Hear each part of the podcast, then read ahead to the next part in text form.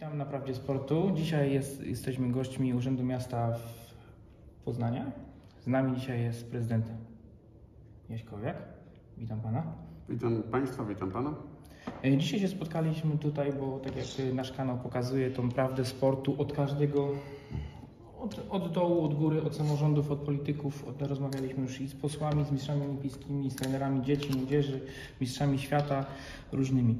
No i też nasz, na, naszedł taki mnie pomysł, żeby się z Panem spotkać. Cieszę się w ogóle, że się nam udało w tak szybkim terminie się spotkać. E, Wiadomo, że sport y, ten zawodowy i amatorski nie istnieje bez wspom- pomocy samorządowej. Bo tak y, jakby dużo jest klubów profesjonalnych, które jakby żyją poza pieniędzmi miasta, ale są też takie, które żyją tylko z pieniędzy miasta. I chciałbym się dowiedzieć, jak to wygląda tutaj na miejscu w Poznaniu, jako takim, y, jak wpływ ten sport, korelacja sportu zawodowego ma na promocję miasta, na, na mieszkańców, w jaki sposób tutaj miasto wyciąga jakieś zyski, powiedzmy, z wspomagania takiego sportu zawodowego. Tak, po pierwsze, my przykładamy dużą wagę do e, finansowania sportu dzieci i młodzieży. E, W bardzo niewielkim zakresie, powiedziałbym śladowym, finansujemy sport e, zawodowy. Natomiast oczywiście staramy się czasami pomóc w rozmowach pomiędzy sponsorami i mm, klubami e, mm, i, i, i to oczywiście robimy. Mamy szczęście, ponieważ e, Lech Poznań em, ma takiego bardzo rozsądnego właściciela, który potrafi tym klubem zarządzać od bardzo wielu lat, odnosząc przy tym sukcesy, zdobywając e, Mistrzostwo Polski. E, I mm, e, tak naprawdę no, jedynym elementem takim wsparcia to jest korzystanie mm, ze stadionu, który jest de facto przewymiarowany, zbudowany na Euro e, 2012 i te opłaty być może no, nie oddają wartości tego stadionu, także po pierwsze no, cieszę się, że on żyje e, i że mm, e, tak wielu kibiców z Poznania i poza Poznania tak na te mecze e, przychodzi. Natomiast wspieramy e, sport e, ten powiedziałbym wyczynowy czy ten zawodowy już może bardziej e, w taki sposób, że finansujemy pewne imprezy sportowe, które mają wysoką rangę. Na przykład w 2021 roku to były Mistrzostwa Europy w kajakarstwie seniorów. Mm, e, To były też e, w kajakarstwie tych mm, juniorów i tych, tych U23. e, Turniej tenisowy Poznań Open, e, potem Super League Triathlon, Cavaliadę, mm, e, czy e, takie zawody jeździeckie w powożeniu. Natomiast ja, ja osobiście sam nie jestem zwolennikiem takiego, takiej rywalizacji miast poprzez finansowanie sportu zawodowego, niezależnie od tego, jaka to byłaby dyscyplina, czy to będzie e, koszykówka, siatkówka czy piłka nożna, dlatego że no, e, to też często się sprowadza do tak zwanego angażowania w klubie zawodników, którzy po prostu więcej zarabiają. Tak? I tak naprawdę na dzisiaj uważam, że e, sport e, zawodowy, niezależnie od tego, czy to będzie piłka nożna, czy inne dyscypliny, jest tak naprawdę no, trawiony tym elementem e, biznesowym, bo dzisiaj już można powiedzieć, kto będzie mistrzem Niemiec e, za rok. To będzie Bayern Monachium. Mm, Tak jak w tym roku, tak? E, I również mm, wiadomo jest, że te kluby, które e, odstają tak finansowo, których stać na takich zawodników, których kupują za tam, dziesiątki milionów euro, że inne kluby y, w takim układzie tożsamości lokalnej nie mają żadnej y, możliwości rywalizowania z takim klubem. Tak? Ja jednak jestem zwolennikiem tego, by y, sport był też tym elementem łączącym lokalną społeczność w układzie tym, gdy to jest taka duma, że jakiś sportowiec z Poznania osiąga jakieś sukcesy, a nie na tej zasadzie, że ktoś jest dzisiaj zawodnikiem Lecha Poznań, jutro Legii Warszawa, a za pół roku jeszcze innego klubu, w zależności od tego, kto mu więcej e, zapłaci. Natomiast sport e, pełni bardzo ważną rolę wychowawczą w e, zakresie dzieci i młodzieży, stąd e, nasz nacisk jest na finansowanie e, tego sportu dzieci i młodzieży, z którego potem też oczywiście czerpie zawodowy sport, no w układzie jednak e, pewnych kadr czy ty, tych zawodników, którzy zasilają potem te e, kluby profesjonalne.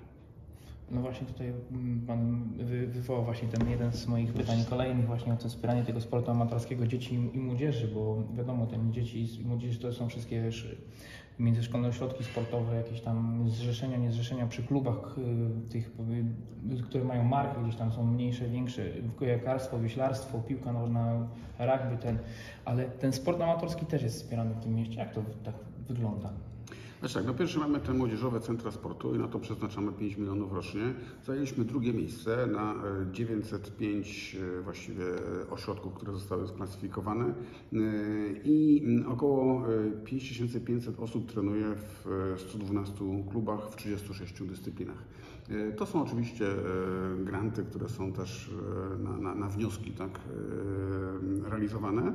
No jeżeli widzimy tak, że ta młodzież odnosi mniejsze lub większe sukcesy, to, to jest jakby kwestia tego, e, tego, by ten sport był jakąś rywalizacją, ale żeby też nie prowadziło to do jakichś takich e, sytuacji, w których e, kosztem nauki czy innych elementów to dziecko się właśnie tylko i wyłącznie w sport angażuje. Także tutaj te młodzieżowe centra sportu są takim dla nas bardzo ważnym elementem.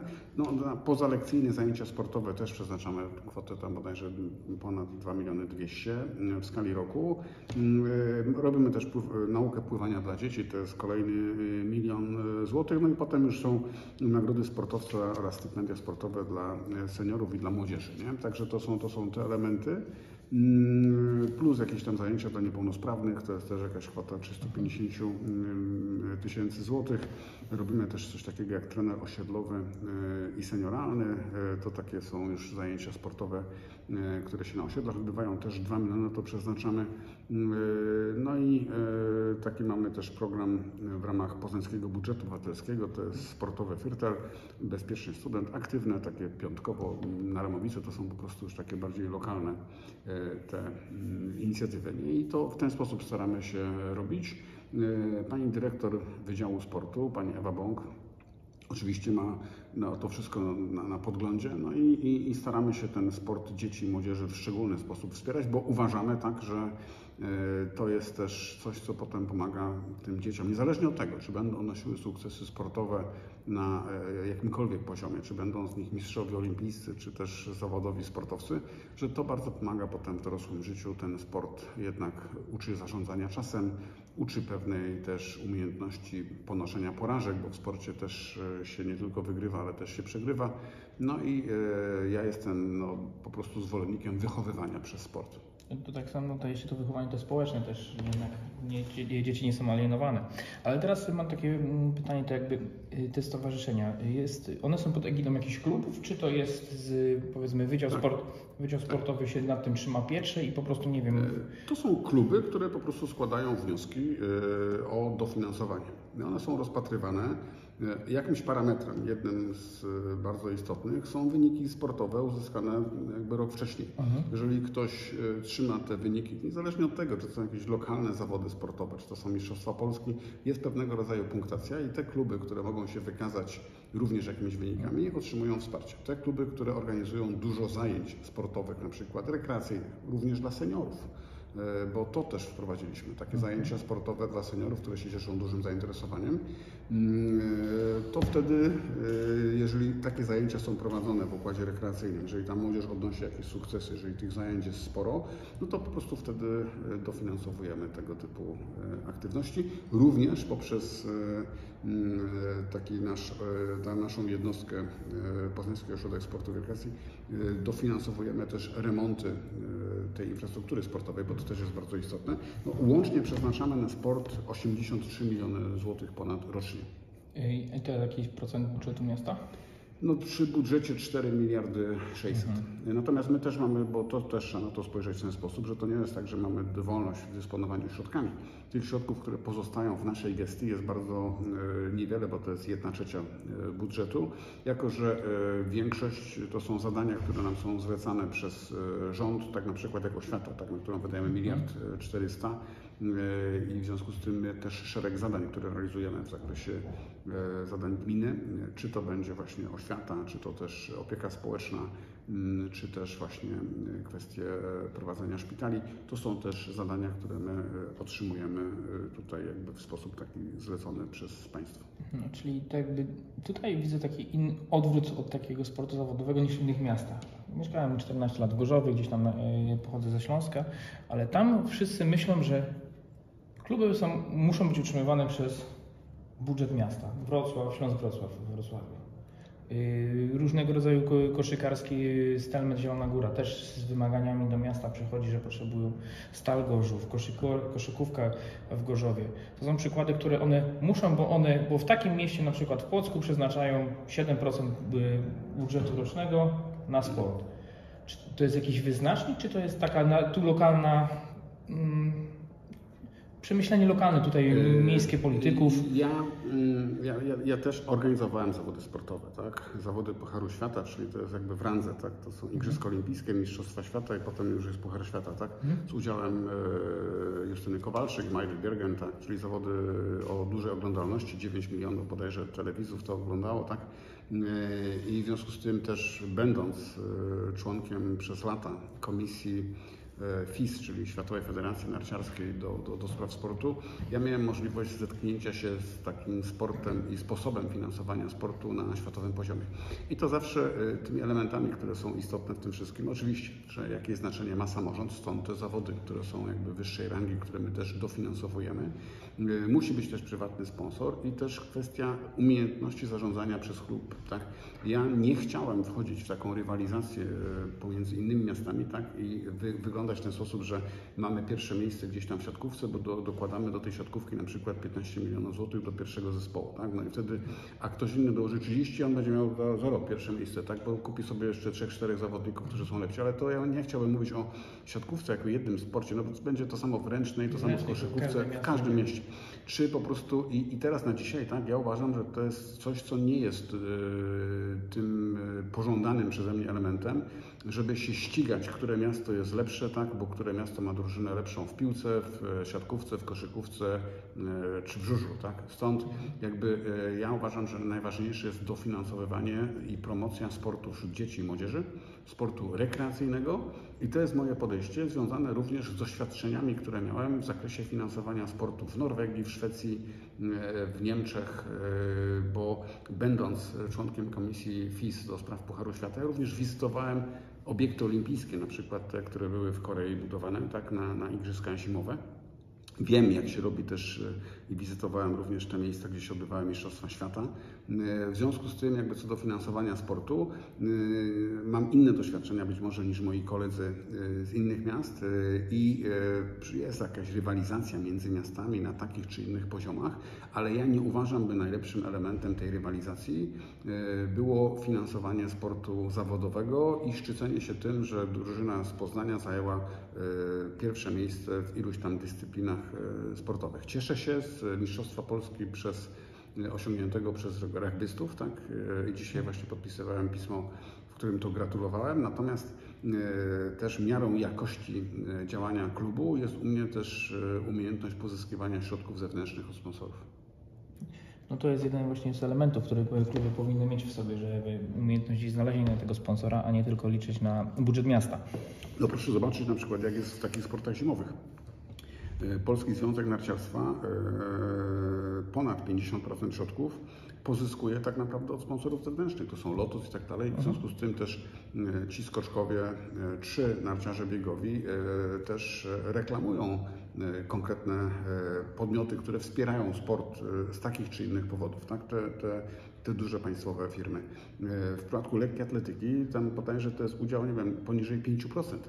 E, I dla mnie miarą też umiejętności zarządzania e, jakby sportem, również w tym układzie e, tych autonomicznych związków sportowych, jest umiejętność ułożenia się czy zachęcenia biznesu większego, mniejszego do współfinansowania sportu. Najprościej jest pójść do prezydenta, do burmistrza miasta i powiedzieć proszę pieniądze mi dać. Tak? Natomiast te pieniądze publiczne my musimy też w rozważny sposób e, wydawać. Nie wiem, czy akurat najlepszym sposobem wydawania pieniędzy publicznych miejskich jest finansowanie pensji piłkarza, który zarabia 70 tysięcy złotych na miesiąc. Tak? Nie wiem, czy to jest właściwy sposób wydatkowania tych pieniędzy. Uważam, że prywatny sponsor ma, ma zupełnie w tym zakresie inną swobodę. Tak, tu akurat y, zgodzę się w 100% z panem prezydentem, że tak jest, no ale spotkałem się w swoim życiu jako czynny sportowiec amatorski, że zawsze w niektórych dyscyplinach w Polsce liczą Tak. na Najłatwiej. No, no tak, no bo najłatwiej pójdą, bo największy mo- moment, że tak powiedzmy, zdobycia głosów też w Tak. nadchodzących wyborach. To też jest jakby jakaś tam karta przetargowa. I wracając do tego sp- sportu mm, amatorskiego, bo on, ja tu, odkąd się przeprowadziłem do Poznania, też uczestniczę w e, APR Poznań. Treningach już nie, nie, uczestniczę jako zawodnik, tylko sobie z nimi trenuję. Tam dziewczyny sobie jeżdżą na puchary, nie puchary, reprezentują to miasto. I taka drużyna ini- inicjatywę sobie związuje. Chcemy sobie wystąpić w, w lidze, trzecia liga, startujemy, zbiera się ludzie, z, zrobili zrzutkę, na w internecie przyszli i oni w jakiś sposób, y, potem jako stowarzyszenie musi wyjść do y, dalej, bo musi sobie zapłacić za halę, za takie rzeczy. Jak to w mieście wygląda? Takie stowarzyszenie jakby się zgło- zgłosiło po samą halę, nie wiem, czy będzie preferencyjne warunki dla tej drużyny, czy to będą preferencyjne warunki na wynajęcie, czy miasto przejmuje wtedy jakby No. koszty swoich utrzymania takiego... Po pierwsze są te poznańskie ośrodki, Poznański Ośrodek Sportu e, i Rekreacji, e, POSIR e, i w tym zakresie no, on dysponuje dosyć dużą bazą, tak, a jednocześnie też e, czasami się zdarza, że dwa czy trzy kluby korzystają z tej samej infrastruktury, tak? Czyli to jest kwestia teraz już potem znalezienia pewnego podmiotu i to jest tak jak z firmą, tak? Inaczej zarządza się firmą, która ma jedną osobę, inaczej kiedy ta firma się rozrasta do 10 osób, potem gdy ma 100, 1000 e, i tak dalej, tak? I to jest też ta umiejętność, jeżeli zaczyna się coś na poziomie takiej e, amatorki w ten sposób, że się zrzucamy na przykład i my nawet nie bierzemy pieniędzy za te treningi i w jakiejś lidze uzyskujemy jakieś e, rezultaty, no to potem załóżmy, że być może e, ktoś ma e, jakieś relacje z kimś osobiste, gdzie, gdzie ktoś jako firma może coś dołożyć, tak? Ja również współfinansowałem sport, kiedy byłem przedsiębiorcą, na przykład finansowałem tych niewidomych kolarzy, którzy jeżdżą w tandemach, tak? I to jest coś, co też wiąże nieraz lokalnie, tak? czy to będzie Poznań, czy to będzie Kostrzyn, czy Swarzędz, tak? jakiś lokalny przedsiębiorca jakąś kwotą XYZ, czy to będzie 5 tysięcy, czy to będzie 40 tysięcy, wspiera na przykład jakiś klub tak? i on jest dumny z tego, że może też finansować coś pożytecznego, coś pozytywnego, ale to jest też potem umiejętność tego stowarzyszenia, tak? by sobie to po prostu poukładać organizacyjnie, tak? by panować nad budżetem, by w tym momencie również w tych rozgrywkach ligowych, to się wiąże oczywiście z dojazdami, z innymi elementami, z kosztami, żeby to dobrze poukładać, tak? No i w tym momencie y, ja też, y, no, tutaj jest autonomia klubów sportowych, tak? I, i związków sportowych.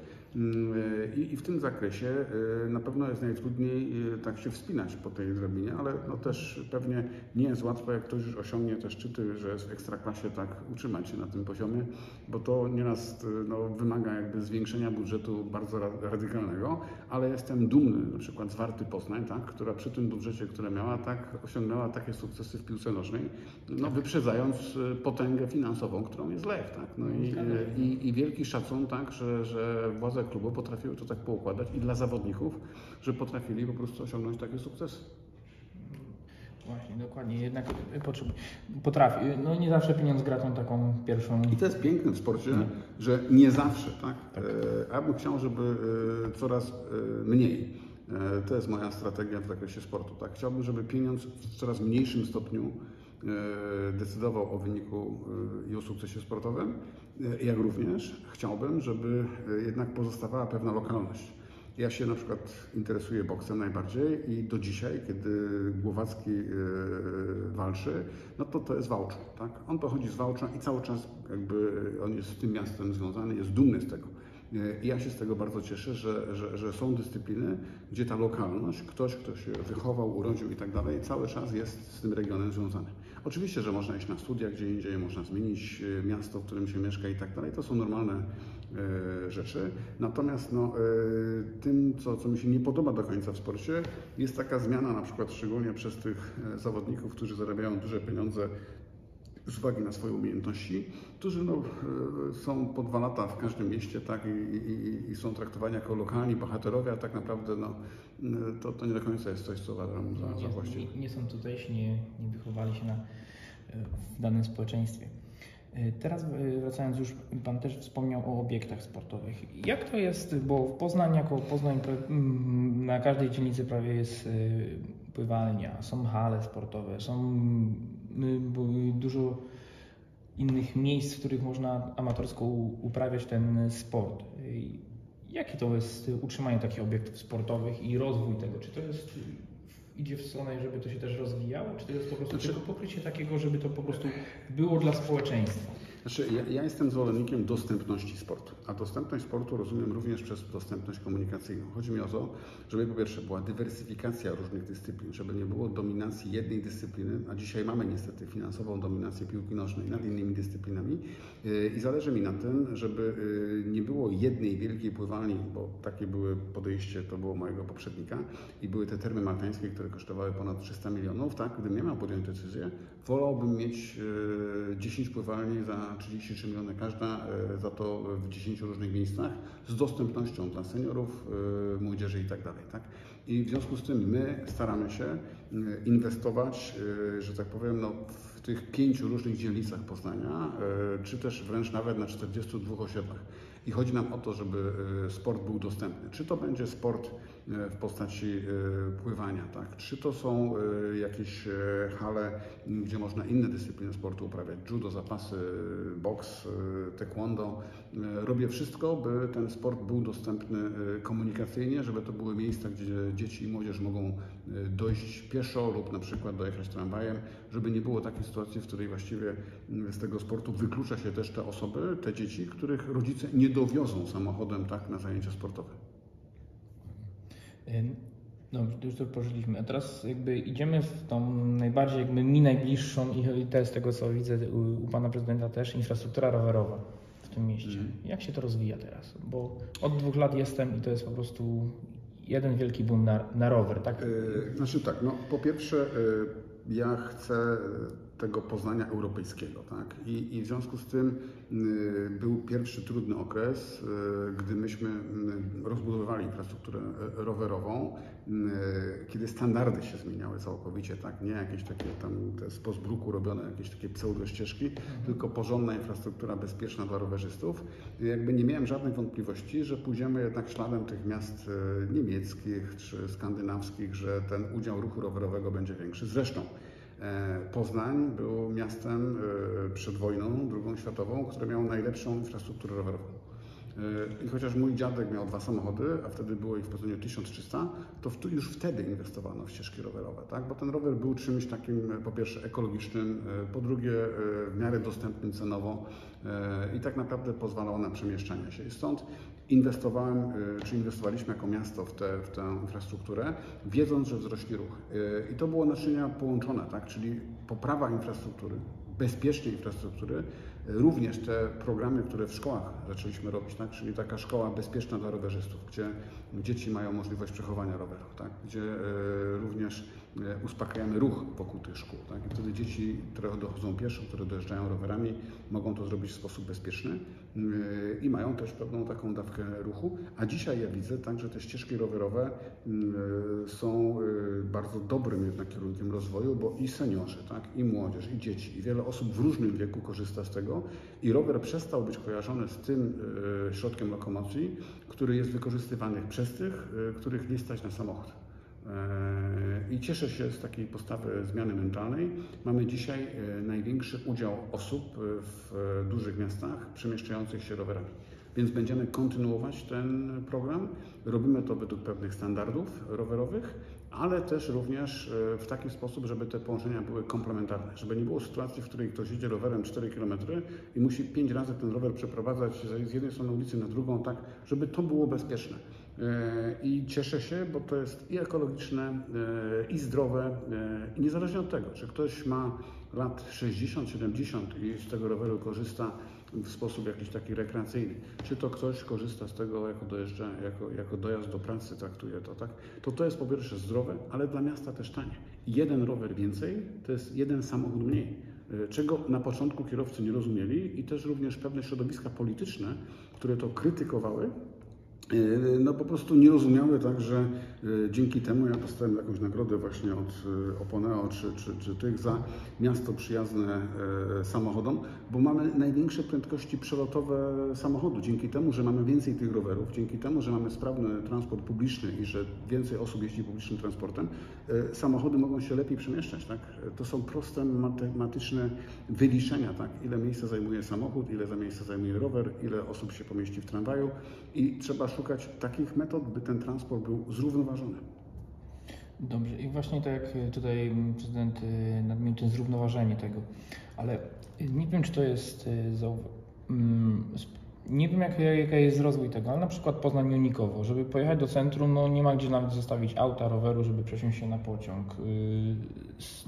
Starołęka, yy, takie miejsca, które są jakby, nie wiem, No. czym to jest związane, czy to rozwojem miasta, czy po prostu to jest jakiś dalszy plan, czy to już jest poza granicą gminy, tak jakby... Nie, znaczy to jest tak, że po pierwsze inwestujemy w e, poznańską kolej metropolitalną, tak? I to miasto e, również e, 40 gmin, 10 powiatów, e, województwo dokłada do tego pewne no, znaczące środki.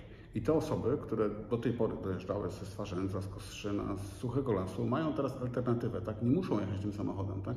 I teraz to nie jest zadanie własnej gminy, żebyśmy my wydawali pieniądze podatników poznańskich, by ktoś spoza e, Poznania, tak? e, mógł korzystać z dotowanej e, komunikacji publicznej, bo na to przeznaczamy 500 milionów rocznie, tak? E, W tym momencie on ma możliwość, żeby przejechać koleją metropolitalną e, i może to zrobić e, również spoza e, Poznania. E, Z kolei z Unikowa, tak, jest tramwaj. Można przyjechać tramwajem, tak, i w tym momencie nie trzeba przyjeżdżać e, samochodem. A jeżeli e, ktoś ma samochód, to musi mieć świadomość tego, że zajmując miejsce publiczne, no, musi za to uiścić jakąś opłatę, tak? Czyli mam na myśli strefę parkowania i te uciążliwości, które się wiążą z zanieczyszczeniem środowiska, z miejscem, które on zajmuje, tak? No dlaczego ten samochód ma zajmować miejsce e, no, pieszego, który chce też przejść, tak? E, i będzie się między samochodami przeciskał, tak, bo ktoś jest tak wygodny, że musi samochodem jechać. To jest takie nasze podejście i wzrost liczby samochodów no, pokazał nam jednoznacznie, że to paraliżuje tak naprawdę komunikację w mieście. Wszyscy stoją w korkach, nie ma gdzie zaparkować, ludzie jeżdżą, bo chcą znaleźć miejsce do parkowania i tylko ten element finansowy plus stworzenie alternatywy w postaci komunikacji publicznej, czy właśnie chociażby możliwości dojazdu rowerem, hulajnogą teraz, To jest alternatywa. Jak ktoś chce jechać samochodem, no to musi się liczyć z tym, że to są jednak pewne koszty, no i pewne niedogodności. Tu się akurat jestem. Popieram pana prezydenta w tym, co to jest akurat robione dla tych samochodów, bo sam jeżdżę rowerem po mieście, auto stoi tylko do pracy, bo akurat mam trochę daleko, ale bardziej mi chodzi o takie, no, chcę się wybrać powiedzmy z, znowu do, do Junikowa. Nie mam gdzie auto zostawić, żeby przesiąść się na dworzec, ale żeby z, z dworca Junikowo przejść na tramwaj, no to już jest znowu odległość. Tu chodzi o taką, czy to jest rozwój miasta, czy to po prostu zostało przespane, czy to jest bardziej szykowane pod ten tunel, czy po, takie... Po pierwsze e, parkingi park and ride, które my mamy, tak, które też zostały wybudowane wielkim kosztem, tak, się okazuje, że tak no, nie, nie do końca ktoś chce z tego korzystać, jak musi nawet niewielką opłatność zapłacić. To wszystko się sprowadza w większości do tego, że ktoś chce za darmo zaparkować e, najlepiej e, jak najbliżej e, jeszcze, żeby miasto zapłaciło, że on będzie taki łaskawy i pojedzie transportem publicznym. Tak, taką łaskę zrobi miastu i innym mieszkańcom, tak? No, to nie jest nie ten problem, że ktoś mieszka poza Poznaniem, tak? Bo chciał mieć domek z ogrodem, tak? E, No to okej, to jest jego wybór, tak? To Tak. niech znajdzie sobie pracę gdzieś tam w tej gminie, tak? Albo że dojeżdża do innej gminy gdzieś obok, tak? I, i tam pracuje, i tam sobie samochodem dojeżdża i, i niech nie narzeka, tak? Na to, że e, tutaj musi e, mieć pewne uciążliwości. Ja muszę dbać też o interes poznaniaków, o jakość powietrza, o to, żeby w tym momencie e, te koszty, które są ponoszone przez poznaniaków, no, były e, związane z e, wpływami, które oni generują, tak? a nie na tej zasadzie, że ktoś oczekuje, że Poznań będzie finansował jego dojazdy, jego miejsce parkingowe, on będzie jeszcze nam łaskę robił, że, że, że po prostu skorzysta z komunikacji publicznej. Mm, Rozumiem, to tak, że nie, nie jestem mieszkańcem Rata. Okej. Więc ja rowerem wsiadam i ja po prostu w, ka- w każdą stronę Ale Poznań jest zwartym miastem i ja nawet jeżeli jeździłem na spotkania z mieszkańcami Głuszyny, to akurat było najdalej, to to było 20 km, ale w normalnym jakby zakresie, no to te odległości typu 4-5 km, to właściwie, właściwie wszędzie w Poznaniu jestem w stanie się przemieścić e, rowerem, Mm, ale też i komunikacją publiczną, dwa, trzy przystanki podjechać. e, Wiele osób tak naprawdę dochodzi do wniosku, że ten samochód nie jest do końca niezbędny do życia, tak? To jest potrzebne, gdy się gdzieś dalej wyjeżdża czasami. No w końcu to zaczynam my- myśleć powiedzmy proeuropejsko, proświatowo, bo dopiero ten sam jakiś czas temu odstawiłem samochód, bo wiedziałem przeprowadzając się do Poznania z czym się to liczy i No, portfel pomaga w tym jednak w pobudzeniu tego myślenia. Nie? Tak, też. Znaczy akurat ja, daję, jak ja lecę do pracy do swojego lasu, to ja mam prostą drogę, więc tak, tutaj okej. 25 minut jestem w pracy. Ale prawie. pan jedzie, jak stąd tam jedzie, to jest okej, tak? Bo gorzej ci, którzy stamtąd dojeżdżają. A, no to to już jakby jest ten, ten. W tym drugim kierunku jest gorzej. Tam jest więcej osób, które o tych porach szczytu dojeżdżają stamtąd e, również. z No tak, zgadza się, widać to jak się tam jedzie. Dobra, i tak wracając do tego, a mm, jaka jest przyszłość teraz tych rowerów na dzień dzisiejszy? Czy ona będzie bardziej już jako pierwszym takim rozwojem, czy ona za, będzie takim zrównoważonym, y, jakby ty- typowo jest nowa droga, będzie nowa ścieżka, będzie nowa, y, nowa droga osiedlowa z nową ścieżką, czy po prostu jest też powiedziane, a robimy same ścieżki rowerowe? Nie, no to jest tak, że e, po pierwsze, no, na- najlepszym sposobem przemieszczania się po mieście na krótkich dystansach są nogi. E, czyli chodzenie. Tak. Ludzie chodzą e, po lasach, tak, z kijkami. E, no można iść do pracy. Jeżeli to są odległości takie na przykład, że to jest, nie wiem, 2-3 km, spokojnie można zrobić spacer, tak? No i w związku z tym my będziemy robić wszystko, żeby to był transport zrównoważony. Jeżeli będziemy widzieć, że rośnie liczba osób korzystających z roweru, czy z hulajnogi, czy z tych elementów, e, no to oczywiście będziemy inwestować w infrastrukturę e, rowerową w taki sposób, żeby to było proporcjonalne do liczby uczestników. E, I, i, I w tym zakresie możemy też tymi elementami, tym transportem publicznym wpływać na to, że e, ten transport samochodowy będzie wygodniejszy, bo będzie szybszy, bo będzie też mniej tych samochodów i trzeba dopasować liczbę samochodów do pojemności miasta. E, Tak samo no nie można brać do tej szklanki więcej niż ta pojemność wynosi, jak się wyleje trzy razy więcej, to się wyleje. I tak jest z samochodami, tak? No, e, jak będzie ich za dużo, to będą stały w korkach, tak? I tak naprawdę to nie będzie jeżdżenie, tylko będzie siedzenie w tym samochodzie, a nie o to chodzi, tak? Już nie mówiąc o generowaniu tych wszystkich spalin. E, W związku z tym będzie, i, i będzie ten trend się umacniał, tak? A zakładam, że tak będzie, że jednak potrzeba ruchu. E, i te doświadczenia z innych e, państw europejskich. No w Kopenhadze ten udział ruchu rowerowego to jest 50%, tak? w Poznaniu to jest raptem 8%. Jeszcze mamy dużo, żeby gonić Europę. E, Również tam stawia się na transport pieszy, żeby wiele osób już nawet nie korzystało z roweru, tylko żeby się pieszo przemieszczało. I mi zależy na tym, żeby e, miasto było takie kompaktowe, zwarte, by te miejsca pracy były niedaleko miejsca, gdzie się mieszka i żeby to było przyjazne dla środowiska. Stąd nie będziemy dla jakichś ideologii, tak, inwestować w cokolwiek, tylko po prostu będziemy starali się robić to, e, czego potrzebują mieszkańcy, bo te postulaty e, nowych ścieżek rowerowych to, to są naj, postulaty, które najczęściej padają na spotkaniach z mieszkańcami z radami osiedli. Tutaj jakby ten głos mieszkańców e, jest zupełnie innym niż to, co na forach gdzieś e, wyrzucają z siebie czasami sfrustrowani kierowcy, którzy też no, nie rozumieją tego, że tych samochodów więcej się nie zmieści i oni uważają tak, że ten rowerzysta w ogóle może jechać szybciej niż oni, tak, bo oni są w korku, a on jedzie sobie ścieżką rowerową. I są osoby, y, które się irytują, tak, nie dlatego, że on stoi w korku, tylko że ktoś inny ma lepiej. No to niech on przesiądzie się na rower i też będzie miał lepiej niż tam siedzą, siedzą w korku. Y, A teraz mam takie pytanie. Było Euro 2012, Mistrzostwa Świata, Mistrzostwa Europy w kajakarstwie. Czy mm, taka impreza, żeby ściągnąć taką imprezę do, do miasta, to jest y, promocja, czy to jest problem?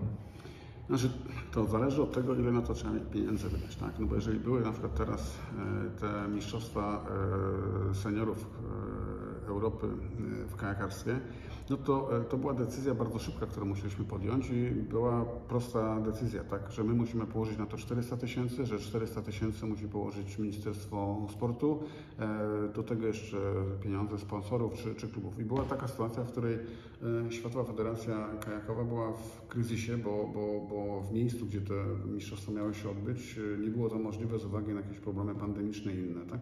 W związku z tym, e, chcąc dać na, szczególnie polskim sportowcom tak, tą szansę tego testu przed Igrzyskami e, Olimpijskimi, w sytuacji, gdzie mamy takie sukcesy e, w kajakarstwie, to była prosta decyzja, że to robimy, ale to nie były jakieś wieloletnie zabiegi, tylko tak, że myśmy skorzystali trochę z tego, że potrafiliśmy takie zawody zorganizować w tak krótkim czasie. Jeśli chodzi z kolei o taką organizację euro i tak dalej, no to załóżmy, gdyby ktoś inaczej podszedł do stadionów, tak, i ten stadion nie był przewymiarowany, tak, ten, kto go projektował, szczyci się, że to jest stadion, na który wydano w Europie, wy, wy, który zużyto najwięcej betonu w Europie, tak, ze wszystkich stadionów. Akurat ja uważam, że to nie jest fajny parametr. E, I mi się to akurat e, nie kojarzy z postępem. I ten stadion jest przewymiarowany. Widziałem stadiony też zresztą jak sam robiliśmy zawody sportowe, to to można zrobić taką konstrukcję, która jest na przykład, nie wiem, na 30 tysięcy kibiców, plus 12 na tymczasowe, co można rozebrać. Tak? No i to jest dla mnie nowoczesny obiekt sportowy. Tak? Obiekty budowane tylko na Igrzyska Olimpijskie, tak? czy tylko budowane na jakieś Mistrzostwa Świata. E, tak jak w Soczi, tak? na, na, mhm. na te, w narciarstwie, tak? na Igrzyska Olimpijskie w, w, w sportach zimowych. No to dla mnie to jest jednak wyrzucony pieniądz. Tak? I to trzeba racjonalnie podchodzić, tak? Czyli ta chęć e, pokazania miasta, regionu e, poprzez imprezę sportową musi być w jakichś e, racjonalnych zakresach też policzona. I rozumiem, że na przykład takie miasta jak Szklarska Poręba, jak Zakopane promują się w sportach zimowych. To jest najlepszy sposób, najtańszy promocji, tak? To oglądają też kibice z innych krajów, z Skandynawii. To jest świetny sposób promocji miasta, ale robienie jakiejś imprezy sportowej tylko po to, tak, żeby być gdzieś tam na jakimś pasku w telewizji przez 10 e, sekund, jest jakąś iluzją, że to jest promowanie miasta. Jak my możemy pokazać Tor, Malta, jeden z najlepszych e, w Europie, to to jest promocja, bo my możemy pokazać. Jak można pokazać piękny region poprzez na przykład dofinansowanie udziału e, w imprezie kolarskiej, gdzie na przykład Tour de France, Giro Italia, Y, gdzie pokazywane są te, te, te, miejsca, tak? To jest też promocja tego regionu, miejsca, pokazanie tego piękna. Natomiast to nie każda impreza sportowa w tym zakresie jest równa i trzeba w tym zachować po prostu umiar. Dobrze. A teraz jeszcze wracając do tych klubów sportowych, że tam siatkówka, koszykówka jak Pan powiedział, że tutaj jest ta dysproporcja. Piłka nożna, potem długo, długo, długo nic, no bo tak, koszykówka męska padła, gdzieś sobie tam grają w trzeciej lidze. Teraz rugby awansowało, jakieś tam są lakrosy, piłka ręczna też sobie tak, tak wszędzie. Czy to jest brak chęci mieszkańców, czy brak jakiegoś takiego zażyłości z tymi sportami, czy tylko to jest po prostu nakręcone, poznać, że to jest tylko pod piłkę nożną, bo powiem z perspektywy takiego chłopaka, który jeździ na różnego różne turnieje akurat w piłkę ręczną, to a, bo w Poznaniu nie, nie, my nie gramy wysoko, bo jest tylko lek. To są tak, okay. mówię, z, z, tak, z czasów jeszcze... Tak, e, ja sobie z tego zdaję sprawę. No, e, świat się zmienia, no i niestety piłka nożna finansowo zdominowała wszystkie inne dyscypliny, tak? w miarę dobrze trzymają się tylko imprezy, które nie konkurują z piłką nożną, czyli sporty zimowe. Proszę zobaczyć, jaka jest oglądalność skoków, biegów narciarskich e, czy alpejskiego. Dlatego, ponieważ nie ma konkurencji piłki nożnej. Tam, gdzie jest konkurencja piłki nożnej, to piłka nożna wymiata, tak? czyli po prostu zbiera e, pieniądze od sponsorów tak? I, i, i w tym momencie te miasta, które, które załóżmy nie są w stanie finansować tej piłki nożnej albo nie mają drużyn, bo biznesowo ktoś tego nie wspiera, E, na, na, na, wysokim poziomie, e, próbują się wyróżnić poprzez sukcesy w innej dyscyplinie. W związku z tym ładują pieniądze w ręczną, w koszykówkę czy, czy w siatkówkę. Tak? Natomiast, no, tak jak już mówiłem, tak, ja uważam, że to nie jest zadanie gminy, tak, by finansować pensje kilkudziesięciotysięczne zawodników profesjonalnych dyscyplin. To jest zadanie biznesu, czy prywatnego, czy innego. Tak. I tutaj e, my możemy pomagać, natomiast my nie będziemy się ścigać z innymi miastami w tym, że ktoś dofinansowuje, nie wiem, e, drużynę koszykówki na poziomie 10, to my będziemy wydawać 20, tak, bo mamy inne potrzeby. Mamy ośrodki pomocy społecznej, mamy dofinansowanie różnych ważnych zadań, tak, domów pomocy społecznej i, i, i nie możemy tak naprawdę tych, kosztem tych potrzeb, tak, tych ludzi e, finansować, e, no powiedziałbym, pewnego rodzaju fanaberii, w szczególności jeżeli e, zmieniły się pewne zwyczaje, tak? no bo dzisiaj e, ogląda się pewne rzeczy, czy poprzez pewne platformy, takie jak e, DAZN, czy, czy, czy DAZN, czy, czy również e, kanały sportowe e, w telewizji, no i my widzimy tak, że piłka nożna ściąga sporą liczbę e, kibiców, czy też żużel, no ale inne dyscypliny ściągają po 100, po 200, po 300 osób, no i w związku z tym to też się z tym wiąże. Zmieniły się zwyczaje. Kiedyś na E, takie zawody w boksie to się po prostu chodziło, tak, no, na ligę i tak dalej, tak, zmieniły się zwyczaje ludzi, tak, e, wiele osób uprawia sport rekreacyjny, ale mniej osób e, chodzi na imprezy sportowe, bo dostępność możliwości zobaczenia tej imprezy w wysokiej jakości e, w telewizji jest e, pewną alternatywą i wielu z tego korzysta. Dokładnie, wtórki i tych wszystkich, co można, co można zobaczyć. A mm, tak jak y, byłaby taka moż, y, możliwość, no przy, przychodzi, nie wiem, y, prezes, nie wiem, Warta gra kilka sezonów, cały czas jest, dużo przychodzi do, do właściciela stadionu miejskiego na Bułgarskiej i mówi, że chciałaby tam grać, ale nie na takich warunkach, jak było dyktowane przez jakby operatora. Jest taka możliwość, czy to... Znaczy to trzeba doczekać do końca umowy. No dzisiaj jest umowa z operatorem, ten operator zawarł umowę z Lechem Poznań i po prostu pacta sunt servanda, no umów trzeba dotrzymywać, tak? W związku z tym my wspieramy Wartę i tutaj Warta dostała od nas e, całkiem sporo środków na e, wykonanie węzła cieplnego przy stadionie Warty Poznań. E, To jest 600 tysięcy złotych, a całość zadania to jest 2 miliony, tak? I, I w tym zakresie e, tutaj no, my wspieramy Wartę. Również składaliśmy wniosek, by z tych środków w tej chwili centralnie e, przeznaczanych, żeby Warta dostała dofinansowanie. Również też szukamy rozwiązań takich, by jeżeli są rozmowy ze sponsorami, to, to, to wspierać. Także my też Wartę mocno wspieraliśmy, no ale to jest też, trzeba pamiętać, pewną przeszłość, tak? To, że kiedyś ktoś sprzedał stadion, e, bo to my musieliśmy go odkupić, tak? Wydaliśmy na to 10 milionów, tak? E, To, że w tym momencie, jeśli chodzi o pana Pyszalskiego, to nie wszystko nam się podobało. Także no, e, teraz trzeba pewne rzeczy odbudować, tak? I, i, i to wymaga czasu.